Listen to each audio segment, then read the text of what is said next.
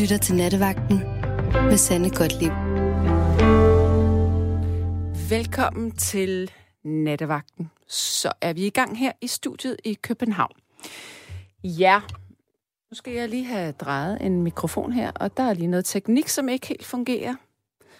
Øh, men det korte og det lange, det er, det er ikke mig, der skulle have siddet her i nat. Det er den kære Rikke Grussel. Men jeg har altså taget over det, jeg vil sige, det har jeg både gjort i dag og i morgen. Ja, nu fungerer teknikken. Den kære Simon Noam Karlin kom lige forbi og trykkede på de rigtige knapper. Så er jeg tilfreds. Godt så. Nu er det, vi kan gå i gang. Altså, det er Rikke Grussel, der skulle have været her, men jeg sidder her i stedet for. Og jeg har valgt et emne, som jeg selv har en, øh, jeg, vil, jeg vil ikke kalde det en lidenskab eller en passion, men jeg vil da sige en, en, i hvert fald en ret stor interesse i det, eftersom at det er noget videnskabeligt, naturfagligt, øh, øh, etisk, filosofisk, som har noget med os mennesker at gøre. Vi skal tale om aktiv dødshjælp. Vi skal også ind på øh, organdonation, fordi det hører jo ind under det her med aktiv dødshjælp. Øhm, for eksempel kan jeg fortælle dig, at hvis du er organdonor, så kan du give syv mennesker en mulighed for at leve videre.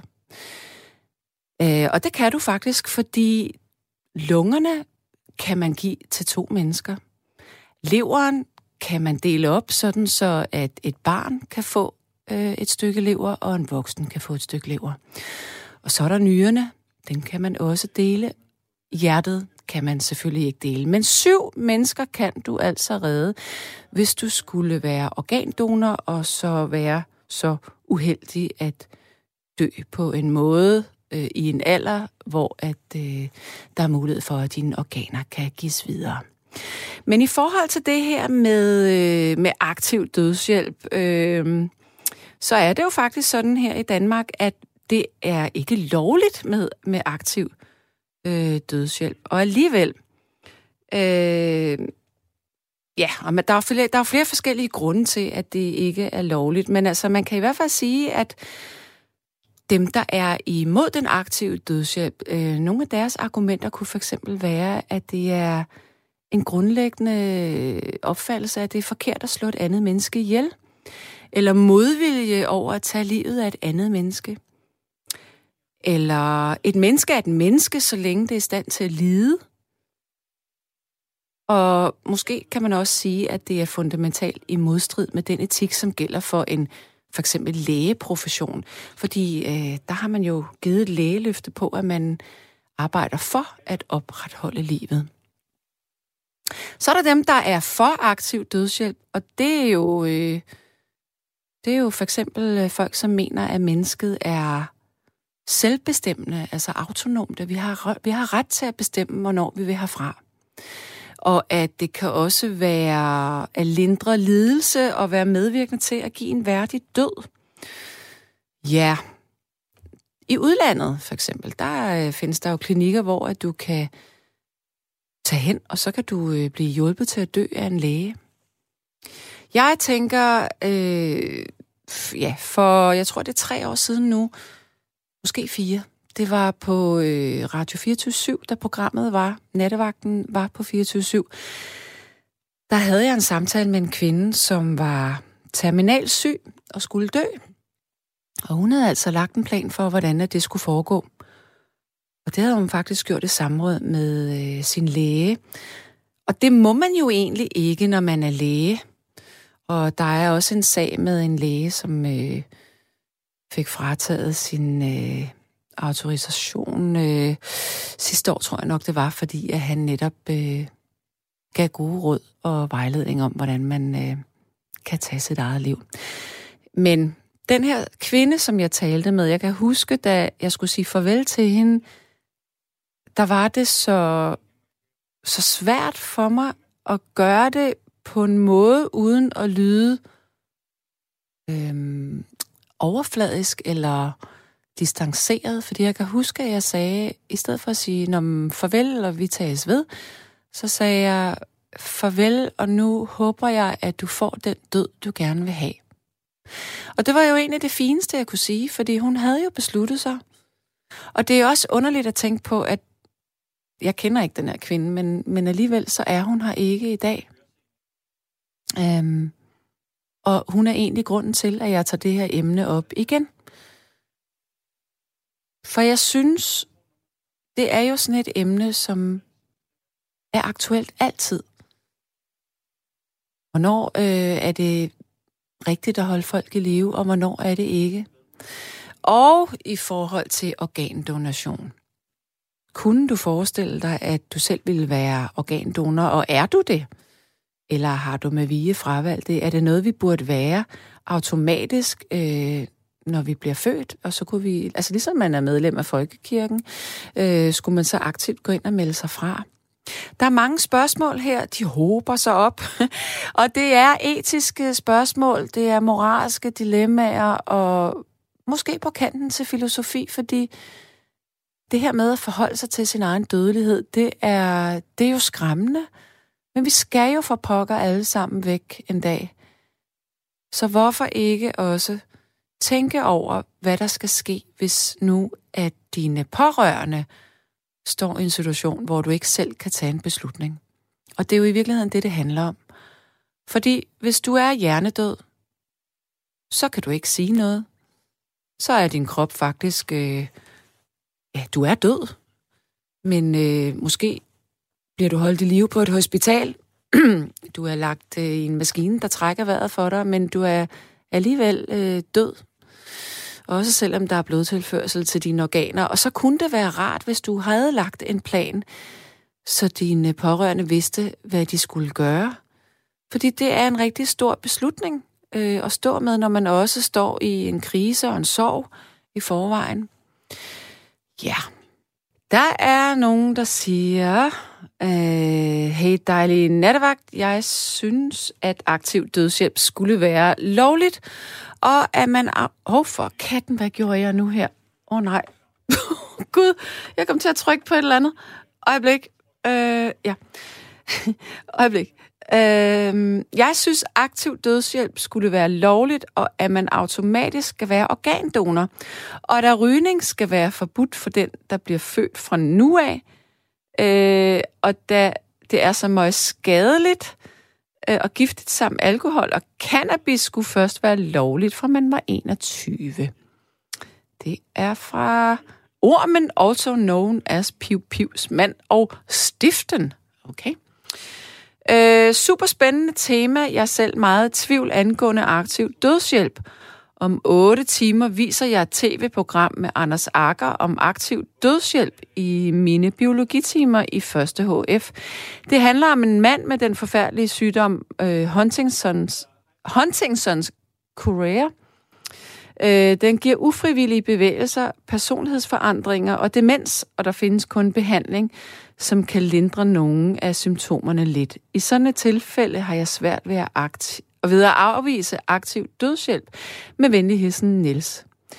Fantastisk øh, sms. Du er velkommen til at ringe herind, øh, og så kan vi tage en lille snak om det. Det er jo virkelig, virkelig interessant, at du skal, du skal undervise det. Det kan være, at jeg måske har nogle input på det. Nu har vi den første lytter igennem i hvert fald, og jeg skal tale med Senia. Hallo? Ja, hallo. Hej med dig. Hej, hej. Og ja, god nat, kan jeg sige, ikke? ja, om, om, en, om et lille stykke tid da. Ja, ja, ja. Nå ja, ja. Ja, det er jo nat jo. ja, det er det. Men hvad, ja. tænker, hvad tænker du om, øh, om nattens tema? Jamen altså, skal vi tage det samlet, eller tage det hver for sig, synes du? Skal vi ikke gøre det lidt struktureret i bidder?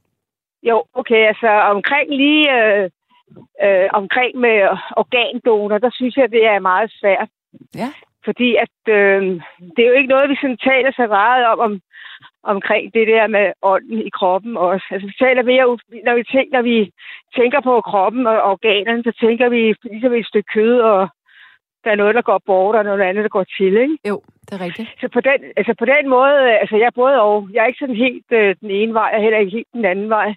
Mm-mm. Altså, jeg havde selv en bror, der, der, øh, der døde, ikke? så han var 41 år. Og, øh, og det, det var sgu lidt ambivalent, at de sådan spurgte os, om, om vi havde noget imod, han, om tog hans organer, fordi han, han døde pludseligt, ikke? Jo. Sådan, øh, det, muligvis var det lægesjust lægefejl, det får vi aldrig. Det er lang tid, det er mange, nogle år siden, ikke? Men han var, Men på hospi- meget. var han på hospital, da det skete?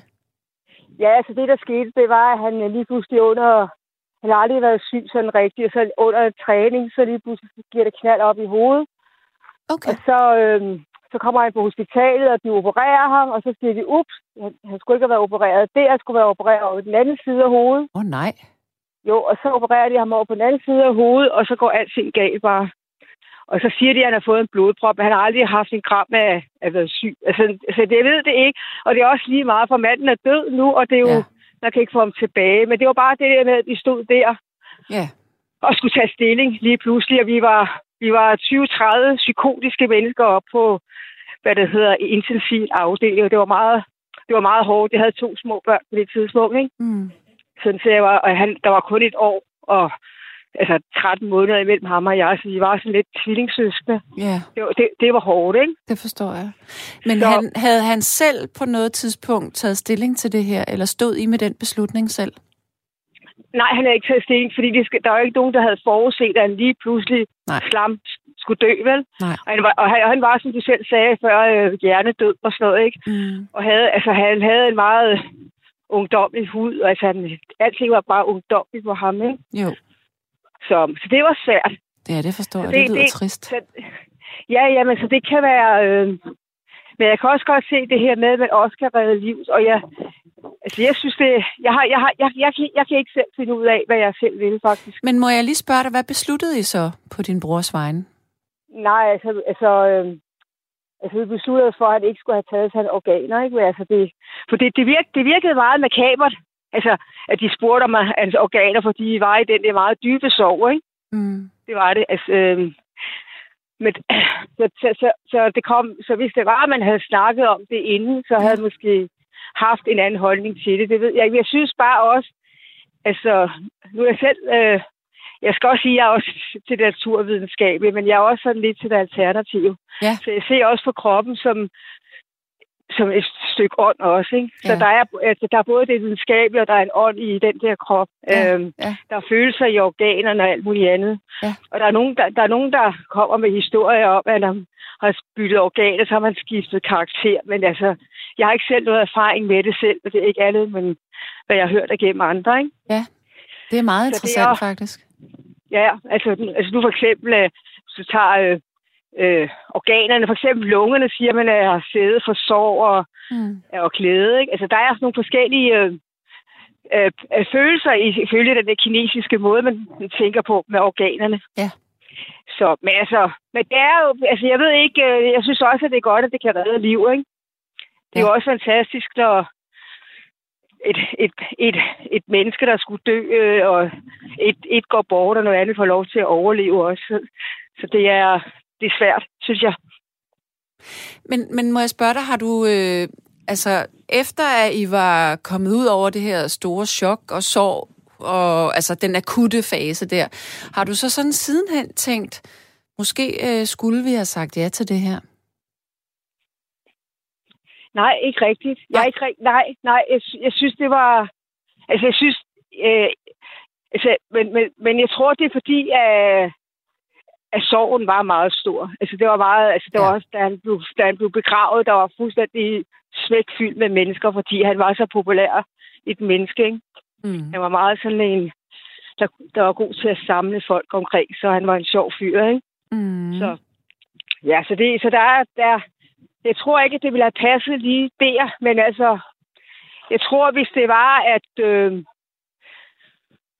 altså, det, jeg ved ikke om, altså, jeg ved, hvis det havde været et trafikuheld, altså, vi har ikke regnet med, at han døde jo, altså, Nej. vi har regnet med, at den der operation, det gik godt, nu gik det godt, det, altså, da han blev opereret en gang, oh, vi tog bare fejl, vi skår i den anden side af hovedet, og så dør han, ikke, Ja. under operationen. Ja. Eller han blev lam og sådan noget, ikke? Ja.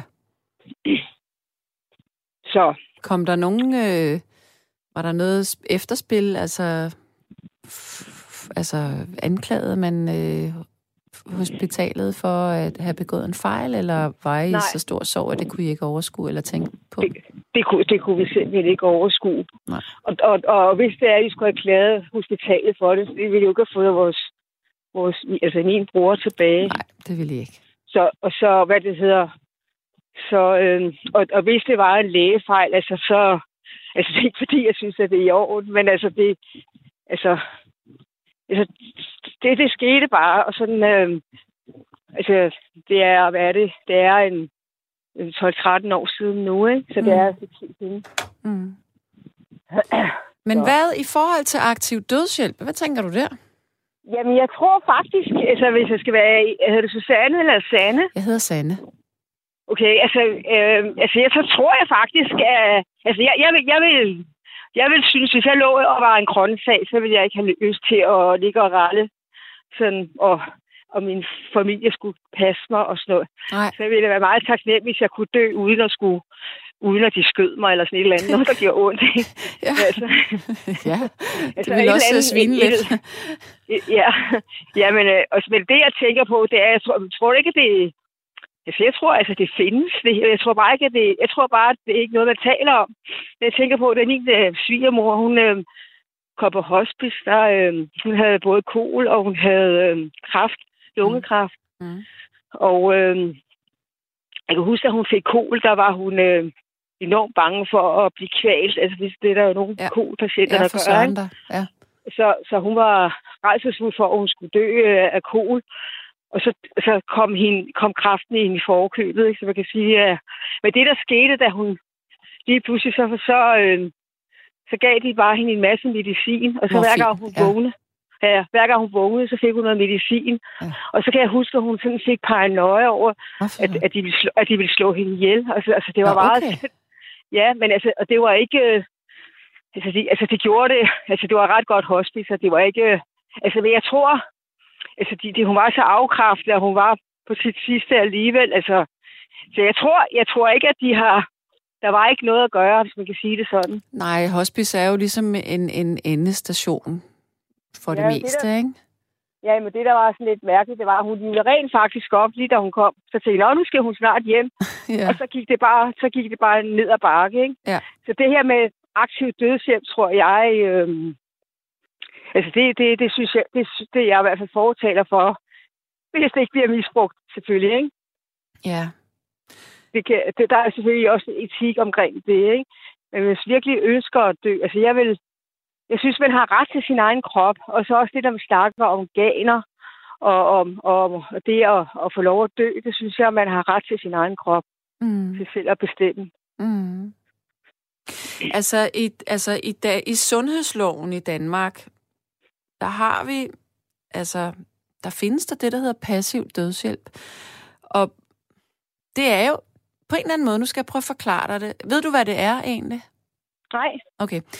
Jamen, det er simpelthen, der er nogle paragrafer, og der er for eksempel en, som, øh, som handler om, at hvis en, en person, man ved er døende, øh, ikke længere er i stand til at, at, at udøve det, der hedder selvbestemmelsesret, altså det vil sige meddele, om, om vedkommende ønsker at modtage sin medicin eller ikke, øh, have øh, livsforlængende behandling, så kan sundhedspersonalet undlade at, at påbegynde eller fortsætte den her behandling. ja. Eller man kan øh, give øh, patienten, man kan skrue lidt op for øh, morfin for Morfin. eksempel, for at lindre ja. tilstanden, især hvis der er Ja. mange smerter, ikke? ja. så går det, det var også det, lidt hurtigere. hurtigere. Det var også det, der skete med hende. Altså, men, altså, de var, altså, de var super søde på det der hospice der, ikke? Altså, det var... Men altså, min, min, min, øh, min, min, øh, min mand der, som havde et, et rigtig godt forhold til hans mor, så der var en, en dag, der, der sagde, at de vil slå mig ihjel, de skal flygte nu, og så, og så så hun helt vildt ud i øjnene, ikke? Mm, mm. Og, og min mand, han anede ikke, hvad han skulle gøre, vel, fordi han har aldrig set sin mor på IS på den der måde før, ikke? Ja. Og så, så kan jeg huske, at hun, øh, jeg kan huske, at jeg var der dagen før hun døde, hvor hun trækkede vejret helt vildt hæftigt og sådan noget, ikke? Ja. Og så var jeg på arbejde dagen efter, og så var hele familien samlet. Og faktisk min søn på 9 år, 10 år, der var til stede, da hun udordnede, da de alle sammen var til stede. Mm. Det var sådan en lidt... Øh, Hvor, og hvad sagde du? Det var dagen efter, eller hvad? ja, det var dagen efter, ikke? Ja, ja. Det var... Øh, altså, Men- Men, altså, jeg tror, altså, det var godt, at hun... Altså, altså, på en eller anden måde, så synes jeg, det er... Altså, når man er så langt ude ved sig selv, og der er bare ikke nogen vej tilbage. Så, så, så synes jeg, at det er i orden, at man bliver hjulpet lidt på vej, man bliver skruet lidt op eller skruet ned på noget, ikke? Mm, mm. Så det der passivt dødshjælp, Ja. man godt kan sige, ikke? Men altså, skal jeg sige, skal jeg forklare dig noget, sådan, så du måske kan tænke, at hun ikke... Øh, altså, din, hun har selvfølgelig hendes oplevelse af, at det, hun har følt, har selvfølgelig været reelt. Men skal, vil, du, vil du have en forklaring på, hvorfor hun har Ja. reageret sådan der? Ja, ja okay. det er meget gerne, fordi jeg, Ja. jeg, har, jeg har tit talt om det siden, jo. Ja, men det er simpelthen det, det er noget, der hedder delir. Øh, og det er, det er en øh, fysiologisk overbelastning af hjernen. Og derfor, øh, fordi at der er den her overbelastning, så kan der komme forskellige... Øh, altså, det kan for eksempel være smerter, der giver det, eller det kan være... Ja, det kan være alle mulige ting. Øh, det kan også være den medicinske øh, behandling, altså, men, men det er noget, man tit ser. Øh, og, og, og nogle af de der symptomer, det kan også være sådan nogle øh, vrangforestillinger, eller... Ja, det var, det var sådan noget, hun havde, faktisk. Ja. Ja. Øh, Og også, fordi hun, var, hun har altid været sådan en, en høflig dame der, der har øh, Mm, sådan øh, lidt autoritetstro. øh, Og så lige pludselig, altså det var ligesom om, hun blev sådan et øh, lille bar, trodsigt barn på nogle Ja. områder. Ikke? Og, det, og det var ikke hele tiden. Det var sådan, øh, det kom lige pludselig sådan hen Ja. over og så blev det værre og værre, ikke? Ja. Så, så det er forklaringen på det. ja, men, men altså det her med hensyn til øh, aktiv dødshjælp, det synes jeg bestemt godt, at man kunne øh, indføre her i Danmark. Og det skulle selvfølgelig under altså, alt muligt Mm. med lægelige og altså man skulle ikke bare selv have lov til at slå folk ihjel. Det, Nej, fordi det jeg tænker, det, det som jeg personligt tænker, det er, øh, altså man, man har også øh, eksempler på, der var for eksempel en 17-årig pige, der fik lov til at øh, få aktiv dødshjælp for et par år siden i udlandet, fordi hun havde haft kroniske depressioner, fra hun var barn. Og der tænker jeg, det er simpelthen forkert, at hun får lov til at dø. Jeg, jeg kan ja. Godt forstå, hvorfor, ja. Hvor smertefuldt det må være at have depressioner, men der må for fanden der være noget, man kan gøre her. Ja, altså, jeg, altså okay, jeg kan godt fortælle, da jeg var teenager, der havde jeg også, øh, jeg havde det enormt skidt, og jeg var en, der ikke havde lyst til at leve. Og, og det, der var lidt farligt med mig, det var, at jeg nemlig ikke delte det med nogen. Jeg ville bare dø, og jeg ville ikke have ud af munden og sådan nogle ting. Mm. Og det endte faktisk med, at jeg lå øh, i en skov og havde spist et helt pilleglas. Og lå og rallede. Ja, ja, og, jeg, og de piller, jeg tog, altså de, det har jeg sidenhen talt med en sygeplejerske, at hun sagde, at øh, jeg sagde, jeg var bange, da jeg lå i, og havde kramper der i skovbunden der, så sagde jeg, jeg var simpelthen bange for, at min nakke skulle knække. Mm. Så sagde hun til mig, at det kunne den rent faktisk godt, at de kramper der. Ja. Men, men det, der skete med mig, det var så, at, øh, at, øh, at der skete faktisk en, en lidt opvågning, i, jeg lå i den der skov, i forhold til, til at jeg havde levet i den der lidt gråzone i mig selv. Mm. Sådan så jeg lige pludselig havde, altså, da jeg lå i, i skoven, der så jeg lige pludselig, hvor smukt livet var, ikke? Ja. Altså en lang historie, men i, men i hvert fald, at øh, altså, hvis jeg havde taget mit eget liv, så er der på pokker godt, der er nogen, der havde kunne have reddet mig ud af det, ikke? fordi jeg er, ikke, man er jo ikke selv i stand til det, når man er i den situation. Nej. Altså, så selvfølgelig synes jeg heller ikke, at når man er ung, så skal man have hjælp. Så er det jo fordi, at, at det ens, ens, øh, ens tankemønster går i sort, ikke? Ja, ja, man har så frygtelig stærke følelser også jo, og de er svære at kontrollere. Ja, ja, absolut. Så det altså, ja, selvfølgelig skal man... Det er også derfor, det er lidt vigtigt, når man skal ind og vurdere. Når jeg tænker på aktivt dødshjælp, så er det, når man har en eller anden øh, uhelbredelig sygdom. Og, Mm. altså, for eksempel sådan noget som kol, Ja. ja. hvor, det bare, hvor det bare sådan, der er ikke nogen vej tilbage-agtigt, ikke? Mm. Mm. Eller, eller hvor man ligesom har gjort, eller en uhelbredelig kraftsygdom, hvor man ikke har kraften til at leve videre. Ja. Så, øhm, så synes jeg, det er i orden, at man får hjælp til det. Godt. Jamen, Senia, øh, jeg vil sige tusind tak for at fortælle mig det her. Jamen, det var da så lidt, og så god nat videre. Ja, tak skal du have. Jeg håber, vi øh, kan tage sammen en anden nat. Ja, Ha- det, Du, jeg er lige, ja, ja, du må have det rigtig godt. og i lige måde, tak, ikke? Tak du. Hej. Hej, hej. Ja, der er en, der skriver her, min mor og jeg har en aftale om, at vi hjælper hinanden, hvis en af os havner i en situation, hvor der ikke er en anden udvej, også selvom den af os, der er tilbage, risikerer at komme i fængsel. Derudover har jeg doneret min krop til forskning, og det synes min mor er helt okay, selvom hun ikke selv har gjort det. Ja, så tager vi en ny lytter her. Det er Palle. Hallo? Ja, det er mig. Hej Palle. Hej, Sanne. Nå. Hvad så? Ja. Hvad tænker du?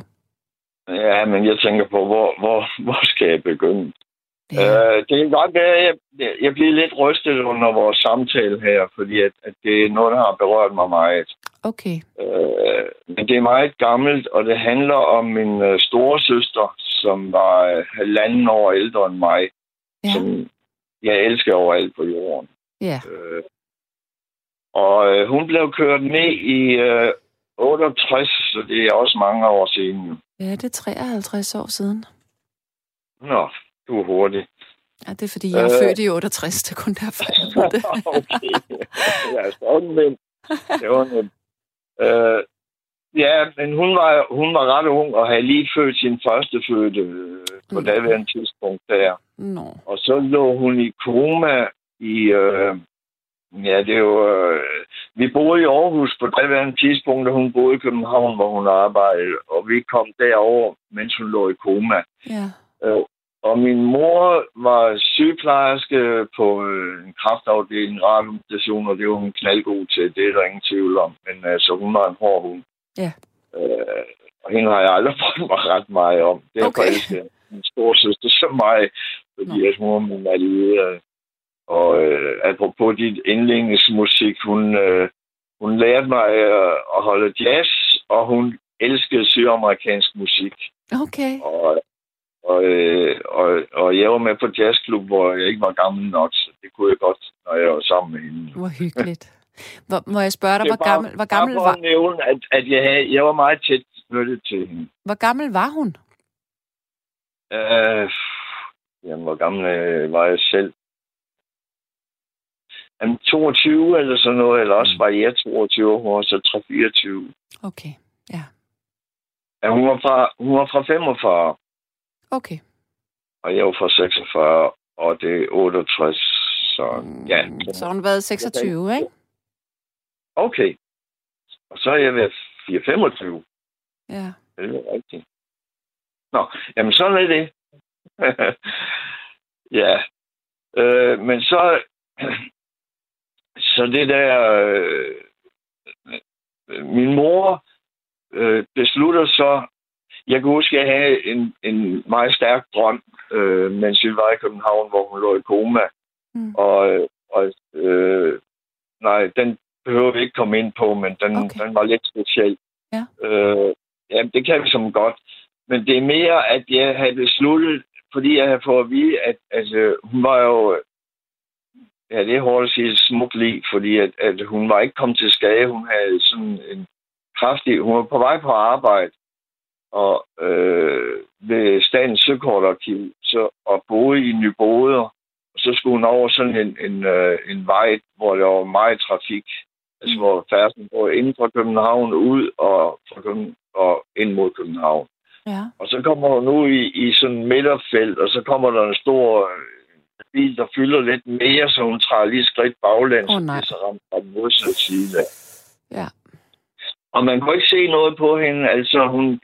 Øh, det var kun hovedet, det var gået ud over. Ja. Altså ikke en masse blod eller brække lemmer Nej, eller noget som Det var helst. indvendigt. Ja, og det vi så får at vide af lægerne, det er, at hun nok aldrig vil få øh, føling i, i eller øh, kunne komme til at gå, og, og så hun vil sige rullestol. Og det beslutter jeg mig så for, at jeg skal køre i rullestol med hende resten af livet. Det vil jeg give mit liv til hende. Altså, det fortæller lidt om, hvor højt jeg elsker hende, og hvor, hvor meget det betød for mig. Mm. Men så gør min mor det, at ja, fordi hun øh, hun er ja, på grund af lægevidenskaben og sådan videre, så, så beslutter hun, uden at inddrage os børn i det, at, øh, eller vores andre i det, at, at, øh, at hun skulle bruge som organdonor, fordi at hun, havde, hun var ung og havde alle de der friske organer og sådan noget. Mm. Og det synes jeg aldrig, det har jeg aldrig tilgivet min mor, men jeg har aldrig, aldrig bebrejdet hende. Men altså, øh, fordi at ja, min søster kunne have fået et, et liv alligevel jo. Hun var lige blevet mor og så videre. Altså, det skabte jo også en masse komplikationer med det her barn, og, og faren til barn begår selvmord senere. Øh, det er så en del år senere. Okay. Øh, men barnet bliver adopteret af øh, hans familie, fordi vi kunne ikke have noget at sige over det der åbenbart. Og øh, det barn fik det ikke godt i sin opvækst. Det var da skrækkeligt. Ja, det var søsteren til faren, og hun kunne ikke selv få børn, og de havde jo selvfølgelig ønsket sig børn, men det var, hun var stridt. så, så ja, det var så synd for den her pige. Jeg vil lige indskyde Men, øh, noget. Jeg sagde forkert. Hun ja. var kun 23. Det var mig, der byttede rundt på tallene. Din ja, søster var 23. Det synes også, ja. det voldsomt. Ja, det var mig. Synes ikke, jeg, jeg rodede. Sorry. Ja, okay. Ja, det er så lidt bedre. Ja. Ja, det, det minder mig om, at, at øh, jeg var nemlig øh, lige blevet færdig som soldat. Mm. Øh, og, og jeg synes heller ikke, jeg var så gammel, da jeg var færdig som soldat, jo. Nej. Men, men øh, på skabsloven, hvor jeg var inde ved militæret, der havde jeg også et billede hængende af min søster, som jeg så fortalte, det var min kæreste, fordi hun Nå. var så smuk. Nå, ja. og, og, og så når vi var på overlov, så fordi der var nogen, der boede, andre, der boede i Aarhus også, der, der, så havde jeg aftalt med min søster, at så, kom, så skulle hun komme og hente mig, og så give mig knus. Så når så de så den her flotte søster, Ej, jeg havde, det skægt. så tror det var min kæreste. Nå. Ja.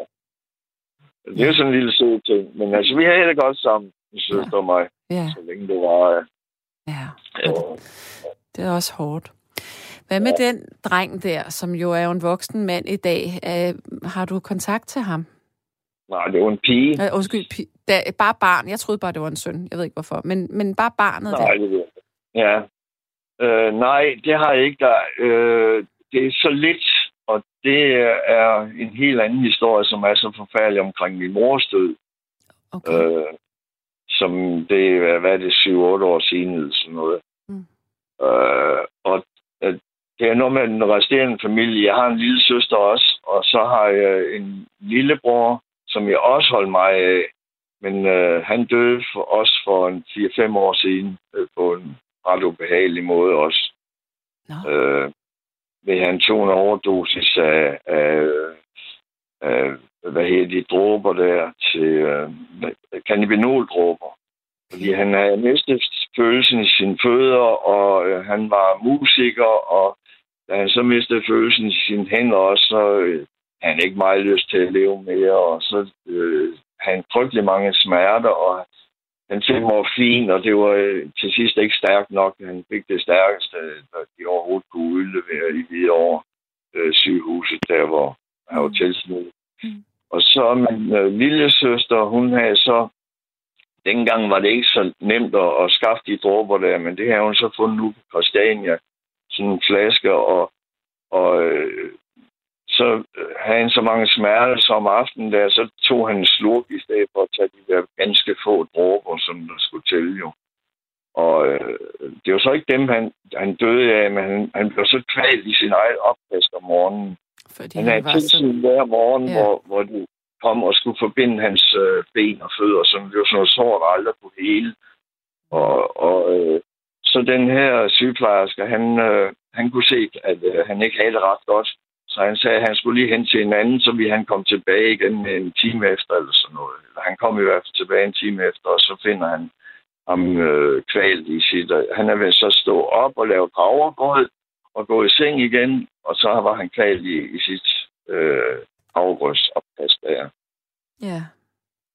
Og, det, og, og så kan man se på den her flaske, det er vigtigt, man nok søster, der har set, at han har taget en ordentlig slurk af det. Sikke en familiehistorie, du var der nogle ja. store tragedier der. Men, men hvis vi lige skal komme tilbage til, at da din søster hun døde, din mor besluttede, at organerne skulle gives. Var det så, var det, er det korrekt forstået? Ja, det er rigtigt. Men har du aldrig nogensinde tænkt, at øh, noget af din søster har levet videre på den måde? Jo, jo. jo. Ja. Det har jeg. Det har jeg. Er det ikke en Men... meget rar tanke? Nej, det ved jeg ikke. Altså, jeg vil selv være ambivalent i forhold til det organdonation. Altså, jeg er ikke Jehovas vidner på nogen måde. Mm-hmm. Men, men, men øh, altså, jeg har alligevel en eller anden tanke om, at, at, øh, at det måske tilhører den enkelte på en eller anden måde, og mm-hmm. det ikke kan være meningen, at det skal øh, ja, indopereres i, i andre. Altså, jeg, vil ikke, jeg er selv ambivalent, og jeg har ikke... Øh, underskrevet noget med organdonation, men jeg har heller ikke taget en beslutning, en endelig beslutning. Nej. Og egentlig kan jeg godt se, at jeg er selv ligeglad med mig selv, når jeg ja, måske tager livet af mig selv i dag, hvor jeg ikke gider mere, så, øh, så kan de sgu da godt bruge det, hvis der kan bruges noget af det. Øh, så det, det, det, har, det, jeg er ambivalent. Ja. Det angår. Men, Men det jeg tror har jeg, der er mange mennesker, der... omkring det. Ja, det ved jeg. Jeg har tit snakket med andre om det også. Øh, men altså, det er måske mere den religiøse del, eller hvad man kan sige. Ja. Det handler om, øh, om hvor personligt det er, og hvor meget... Øh, ja, ej, den er svær. Den er svær. Ja. Ja. Men... Lad, os, lad os snakke om noget andet. ja, men, men jeg kan så fortælle dig, at... Øh jeg er organdonor, men jeg har ja. skrevet, at jeg ikke vil have, at man tager mine øh, hornhænder. Ja. Og faktisk, okay. jeg kan ikke huske, og jeg kan heller ikke huske, om jeg har skrevet under på, at man må tage min hud. Nej, men hvorfor ikke hornhænderne? Jamen, det, det, det går på en eller anden måde for tæt på, og jeg ved jo godt, det er så...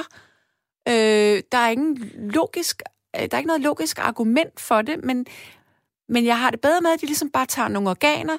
Det er fint. Men mine ja. øjne, mine hornhænder, det, det er sådan... Ej, det er meget tæt på. Ja. Det er jo, det er jo, på en eller anden måde, så kan jeg godt sætte mig ind i. Nå, nu kommer jeg til at tænke på en ting. Ja. Uh, jeg troede, jeg var engang uh, nysgerrig på, jeg tog til England til, uh, hvad hed det? Ah, det var egentlig noget Scientology, der, der fik mig nysgerrig over for at opleve øh, den der øh, en stor festival, der var i London okay. en gang. Og så rendte jeg ind i... Øh, øh, jamen, jeg havde læst en bog af en svensker, som kunne helbrede igennem blodet. Og den her bog, den beskrev... Øh, altså, det kunne han gøre på, øh, hvad skal vi kalde det, fjernhealing, men altså, det var et eller andet med, at han havde et apparatur, som kunne måle vibrationer eller sådan noget lignende. Øh, på en eller anden måde stråler. Og, og øh, eksperimentet, der blev lavet, det var et forsøg med en ko, der havde sådan en, en ret dyr ko, som havde fået præmier. mm-hmm. og, og, og den havde øh, et noget stoltråd eller en sten og sådan noget, og det kunne han så se igennem det her blod, at, at øh, det var der og der i tarmsystemet eller i mavesystemet. Okay. Og et andet eksperiment, det var noget med en kornmark, som man bestrålede, og så... Åh, oh, det kan jeg ikke komme på lige nu. Øh, men men så, så groede den dobbelt så hurtigt, eller en tredjedel gang så hurtigt, øh, ved, ved at, at, at blive bestrålet med det her apparatur. Altså, det er jeg smidt væk for lang, lang tid siden, men jeg kan da huske, at ville så gerne, at min far, fordi der var en i Jylland, som havde det apparatur og kunne det der. Og, og øh, da min far blev meget syg, han havde det samme med fødderne som min lillebror, øh, øh, som også døde. Altså, øh, øh, jeg blev livløs og døde, og ingen føling øh, i fødderne mere. Jeg kunne huske, min fod, den blev der helt sort, inden min far døde også. Hold op. Men min far, han tror ikke på sådan noget der. Han var, han var altid ordnær. Men altså, jeg havde ham der med ude ved, ved den her person ude i Sten. Okay. Ja, som, som kunne det der. Nå, men det, det førte ikke til nogen ting. Nej. Men ja, altså, jeg var meget for alternative øh, helbredelsesmetoder, sådan noget der i 70'erne. Øh, startede vel allerede i 60'erne.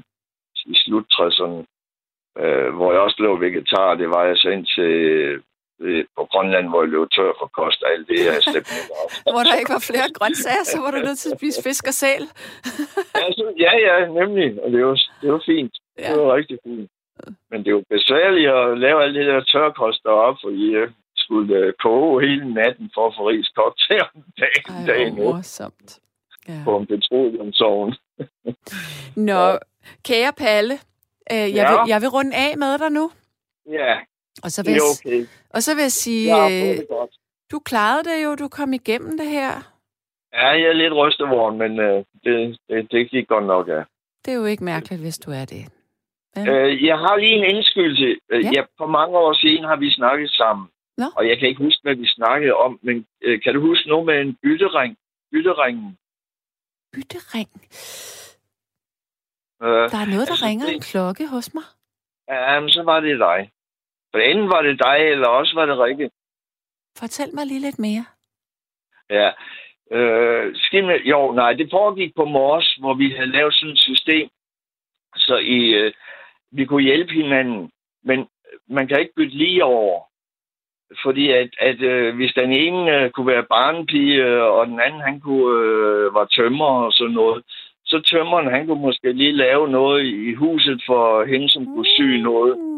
Ej, jeg tror, det er Rikke, det er Rikke, du har talt med. Den kan jeg ikke huske, den her. Og, ja, så lavede vi nemlig sådan et system, så man kunne, man kunne øh, være mange i, i det system der, og så, kunne, øh, så kaldte vi det janter, fordi det er janteloven. Ikke? Altså, Okay, så, ja.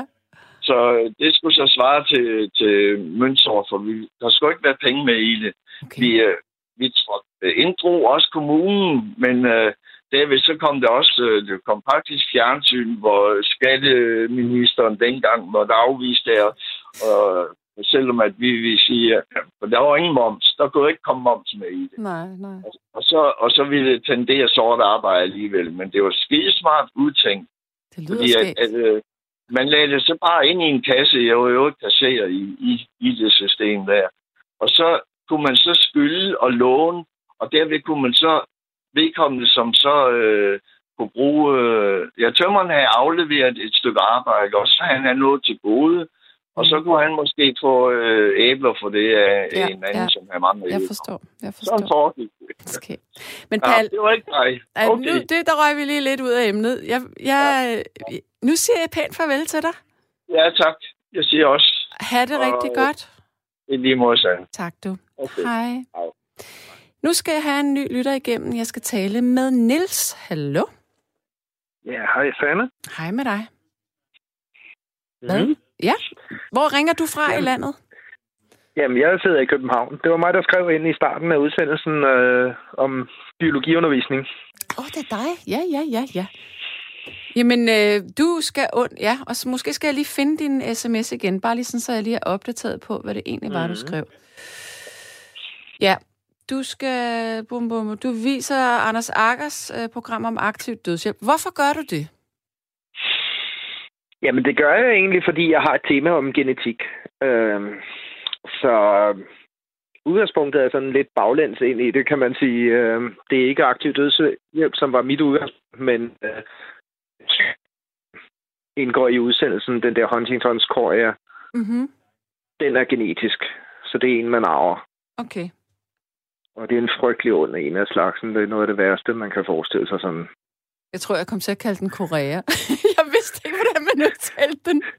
Ja, ja men det er jo også et mærkeligt navn, men det er faktisk... Øh, det, det er sprogligt beslægtet med koreografi. Ikke? Ah, det er ja, fordi selvfølgelig De bevægelser. der ufrivillige bevægelser der, det er sådan noget lidt Yes, danseagtigt, ikke? Yes.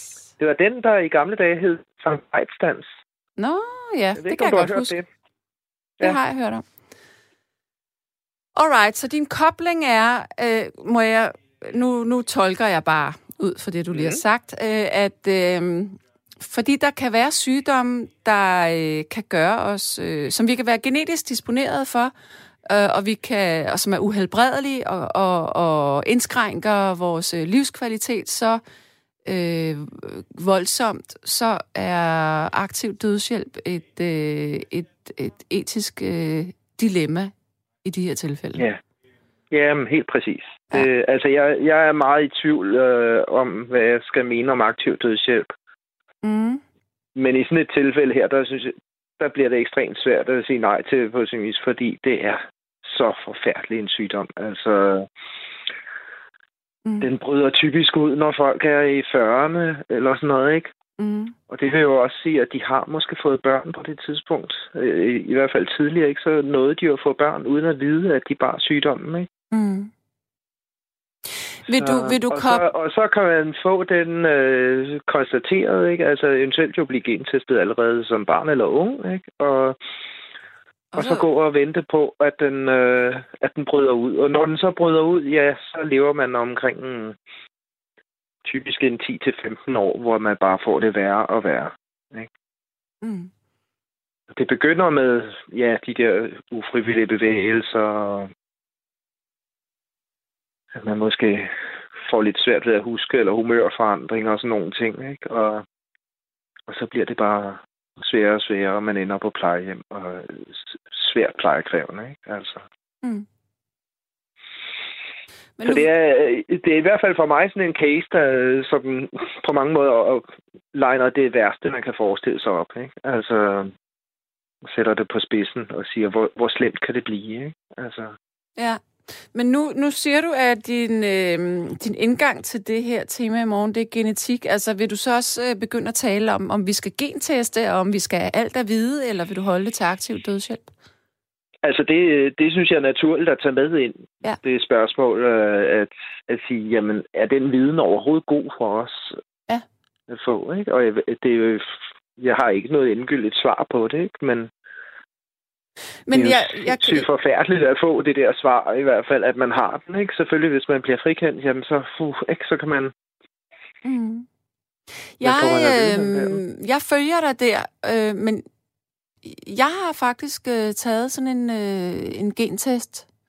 Sådan en ret mm. udvidet stor pakke for at se, hvad jeg ligesom kunne risikere mm. at få. Ja. Altså nu det er jo ret specifikt det der, kan man så sige, øh, med sådan en sygdom, at man ved, at hvis den er på genet, så bryder den ud på et tidspunkt. Men øh, ja. jeg fik for eksempel øh, i min test, der stod der, at jeg har en, en højere risiko for hjertekarsygdom, blandt andet. Det synes jeg ikke var så fedt at vide. Mm. Øhm, fordi jo, det kan man jo gøre meget ved øh, med livsstil og sådan noget, men stadigvæk, øh, altså, jeg er over halvvejs i mit liv, jeg har jo ikke lyst til at dø sådan lige nu, men, men det gør jo også, at man, man forholder sig til det.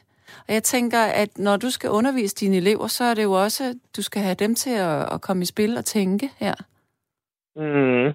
Ja. Jamen, det er rigtigt. Det, øh... Jo, og det, altså, i sådan en gentest, øh, synes jeg også, øh, den, den kan, kan jeg sagtens se noget godt i. Altså, jeg, jeg har selv astma, for eksempel, så jeg, jeg ved jo også noget, jeg er i fare med allerede, mm, ikke? Og, mm. og det er sådan lidt i samme boldgade, nogle af de svar, du har fået der, tænker jeg, ikke? Altså, ja. Lidt sammenligneligt, at, at ja, man ved, der er en risiko, og det er selvfølgelig ikke sjovt, men altså, det er en, man kan forholde sig til og kan arbejde med, ikke? Det, mm det svære ved Huntingtons er jo, at der er bare så minimal behandling. Altså, jeg ved intet om den sygdom, altså overhovedet. Nej, nej men altså, der, der bliver jo selvfølgelig, havde så bliver der forsket i den, at, men altså indtil videre, så mangler der simpelthen en, en egentlig behandling. Ikke? Altså, det, det er ren lindring, det man kan, og men, men i, i, den, ret, i ret begrænset omfang. I, I den der Anders Akker-udsendelse, øh, er det, så er det en patient, der har den her sygdom? Ja. Hvad siger vedkommende? Vil, vil vedkommende jamen, gerne altså, dø? Jamen, han har lavet en opsparing for at kunne tage til Schweiz og få sådan et assisteret selvmord, eller hvad man vil kalde det. Ikke? Mm. Så, og han er så meget i tvivl om, om han skal bruge den. Så det er det, man hører om. Ja. Han skifter sådan lidt mening undervejs, ikke? Og fra at ville bruge den til måske alligevel ikke. Mm. Så, men... Ja. Og jeg kan jo i den grad forstå ham. Altså, begge sider af det, ikke? Altså, at øh, det er frygteligt at tænke på sig selv som hjælpeløs, øh, savlende, dement. Øh, og det, det er desværre sådan noget. Må jeg, man kom, som. Ikke? må, jeg, må jeg komme med en idé til din undervisning i morgen? Ja, Og det er, hvis du gerne vil have dine elever til at kunne relatere sig til det her. Altså, der er jo en distance i den her case, kan man sige, fordi det er jo de færreste, der får at vide, at, at den her sygdom, det vil udvikle sig hos dem. Men, men hvis du kunne få dine elever til at relatere sig til, at jamen, øh, de kan blive kørt over på en cykel, altså de kan blive kørt over i trafikken, øh, eller i, de kan køre galt i en bil, øh, eller måske har de en uopdaget hjertefejl øh, og, og kan falde om, at, øh, at, at, at, at sådan så de måske øh, kan relatere det mere til deres eget liv, sådan så at der kan komme en, en snak om, jamen øh, vil, vil jeg egentlig som elev, tør jeg som elev sætte mig ned og forestille mig, at jeg skal dø, og hvad det vil gøre ved mine pårørende? Altså tage stilling til det her. Ja. Altså det er i forhold til organdonation, tænker jeg. ja, ja, ja. ja. Mm. Det ved jeg ikke. Hvad tænker du om det? Øh, jo, jo, men altså det, det er rigtigt. Det, det kunne være en måde at gøre det mere nærværende på. Ikke? Ja, det så- tror jeg, fordi det er lidt distanceret, det der øh, med, en, med en patient. Mhm. Mm-hmm. Nå jamen, så, så har han det. Men det er jo ikke mig. Det tænker man jo ikke, hvis du går i første HF. Ja, ja men det er rigtigt. Jeg har faktisk øh, tidligere brugt en anden øh, film, øh, en amerikansk dokumentarfilm om, om en, øh, ja, jeg siger ung skotsk øh, skuespillerinde, der bliver gentestet for Huntington, så også fordi det er i hendes familie. Mm. Og så tester hun positiv for den, så Okay. hun har genet. Ja. Og jeg ved ikke, hvor gammel hun er. Måske omkring de 30 på det tidspunkt eller sådan noget. Ikke? Og det er altså fuldstændig sindssygt at se det. Mm, mm. Selvfølgelig. ikke? Det- Men den kunne jeg ikke få fat i. Mm, Ved du hvad, jeg tilgængelig kunne mere. faktisk rigtig godt tænke mig at give dig et, øh, et YouTube-link til en, øh, en film, som jeg synes, du skal vise dine elever. Mm. Okay, du skal, lige, du skal lige tage noget at skrive med, fordi jeg kan jo ikke sende det til dig, øh, så jeg skal lige læse det op. Mm. Har du noget at skrive med? Øh, to sekunder. Nej. Jeg er lige nødt til at lægge telefonen i øjeblik. Jamen, jeg kan også, nej, ved du hvad, jeg giver dig titlen på den. Det er nemmere. Nu er der. Okay, den film, den ligger på YouTube, Mm. og den hedder Den ubegribelige død. Ja. Den var 29 minutter, og den handler om et forløb med hjernedød og organdonation her i Danmark. Og det er simpelthen en, det er en case, hvor at øh, en, en ung pige er, hun er medpassager i en bil, og hun er hjernedød, og så ser mm. du øh, øh, mor og søster og personale, øh, hvordan det egentlig foregår, øh, Ja. når, når man skal tage stilling til, om øh, en person skal give organer videre, og hvad der sker, hvornår, hvordan man erklærer folk hjernedøde, og alle de her ting. Den er sindssygt god. Det er en dansk film. Ja, Jamen, super spændende. Jeg har noteret det ned her. Fedt. Ja. Ja. Mm. Godt. Jamen altså, øh, er der mere, vi skal rundt om, du og jeg her? Jeg er ikke sikker. Jeg synes bare, det er et, øh, altså, jeg synes, det er et spændende emne, du har taget op virkelig. Det, øh, det er jo sådan lidt grænseoverskridende at skulle reflektere over, ikke? Det er i hvert fald svært. Fordi Mm. lige så snart man gør det, så skubber man det lidt væk igen. Ikke? Så, nå nej, Ja. nå nej. Ikke? Ja. Men, Men, det, er, det er også netop sådan noget, jeg synes er lidt min opgave som biologilærer. Ikke? Altså Mhm. ikke kun at, at lære mine elever det faktuelle, men også at få de der refleksioner ind i billedet. Ja. At Jamen, sige, øh, det er jo også Alt et- det tekniske og det faglige, ikke? Men øh, hvad gør det ved os? Ja. Det er jo også enormt spændende, også sådan helt på celleniveau, altså at, at på et tidspunkt så holder alting jo op med at fungere. Ja. Der er mange relationer ja. eller, eller paralleller, du kan drage der.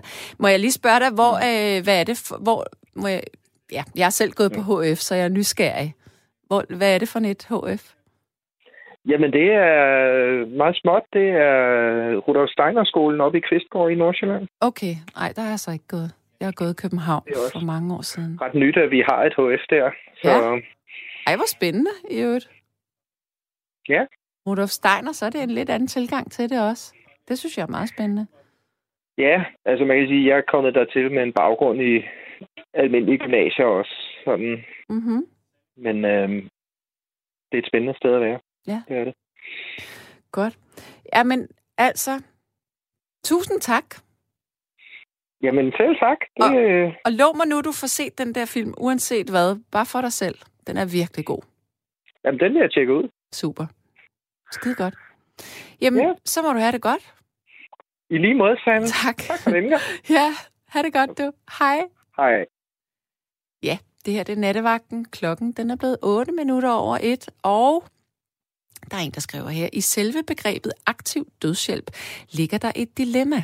Hvem er aktiv i situationen? I øvrigt vil jeg aldrig selv tage en gentest. Hvad skal jeg bruge den til, til ud over frygt? Livet er en stor roulette, og lev hellere livet hver dag positivt, også i forhold til dine børn, der skal bevare livsmodet. Med venlig Thomas B. Og det er jo egentlig meget fint formuleret, fordi ja, hvem er det, der er den aktive i situationen? Det er jo så den, der forsager døden, kan man sige. Men det er jo ikke det samme som at være en bødel. Man kan jo godt øh, sige, at, at det er en lindring eller en udfrielse.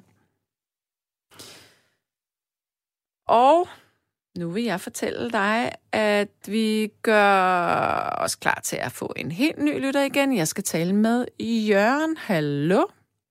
Hallo, Hej. Hej med Jeg dig. har, en, jeg har en lille ting. Når man nu er en meget gammel knak, Ja. og, er, og, og det meste af en er slidt op, Mm-hmm. så nytter det jo ikke noget, man giver sine det er noget væk, for der er nok ikke noget, man kan bruge. Nej, Men det, til gengæld, kan, så kan man gøre nytte på anden måde. ja, Man kan jo give sit læge væk til videnskaben. det kan man i hvert fald. Det er der også Ja. brug for. Ja. For i øjeblikket er det jo sådan, at der er lægestudier tre steder i- i Danmark. Ja. Tidligere havde man kun lægestudier i et sted i København. Og derfor mangler man jo disse præparater, gamle knarke, som de kan skære lidt i, og sådan noget. Mm. Og man skal gøre nytte. Det har min far altid lært mig, at man skal gøre nytte her i livet. Ja. Derfor har jeg givet mit læge væk til videnskaben, og det er en meget nem procedure. Man øh, kan udskrive selve ansøgningen på sin computer. Så kan man gå op på sin læge, så skriver han på, så sender man det ind, så får man et testamente tilbage, og, og der står betingelserne, og øh, hvis de pårørende gerne vil have noget tilbage af en, så kan de få udleveret urnen af det, der er tilbage, når de har brugt en. Ja. Man bliver jo splittet ad. Yes, det er Altså, jeg, da jeg fortalte mine børn det, så råbte de alle sammen hurra. Ja. De synes, det var en pragt, pragtfuld idé. Det er, ved du hvad, jeg, synes, jeg er virkelig glad for, at du bringer den her vinkel ind øh, i programmet, fordi det er faktisk... Øh, det tror jeg ikke, at jeg ville kunne gøre selv, det der. Kun, kunne du ikke tænke dig selv det? Nej. Men det er sådan noget øh, underligt noget med blufærdighed, faktisk. Man, man ser heller aldrig, man ser meget sjældent en dødsannonce, hvor der står i noget af den slags. Men, men de optræder en enkelt gang imellem i, i, i et blad, der hedder Information. Mærkeligt nok. Ja. Mærkeligt nok. Så Men- står der som regel et eller andet, og han havde, fået, han havde fået godt af livet, og sådan noget lignende, og så nu vil han fortsætte som Ja. og givet til væk, og der bliver ikke nogen bisættelse, men der kan blive en mindehøjtidelighed, som, som man holder efter døden. Nu ved jeg godt, det er et lidt fjollet spørgsmål, fordi når man er død, så er man, så er man nok, man død, så er man død. Men du er ikke flov over, at der er nogen, der skal ligge og skære øh, i dine kønsorganer og sådan noget? overhovedet ikke. Nej. Jeg synes, det, det ville gøre nytte, hvis jeg kunne hjælpe videnskaben og lægerne med at få behandlinger for noget bestemt. Mm-hmm. Du har jo ret. Du har fuldstændig ret. Jeg, er- jeg er på vej til 90, Ja. så jeg mener, at det meste af mit, af mit VM, det er slidt. Det er så slidt, så det er så slidt. Hvor Så bor der er du? nok i- ikke noget, man kan bruge af det. Nej, det, det er der nok ikke. Hvor bor du i landet? Jeg bor her i København. Okay. Jamen, så ender du i hvert fald ikke i København. Så ryger du til Aarhus sikkert. Det ved jeg ikke. Jeg ved ikke. Ja, det har jeg slet ikke nogen. Men mine børn, de, de, de synes altså, det var en meget, meget, meget god idé.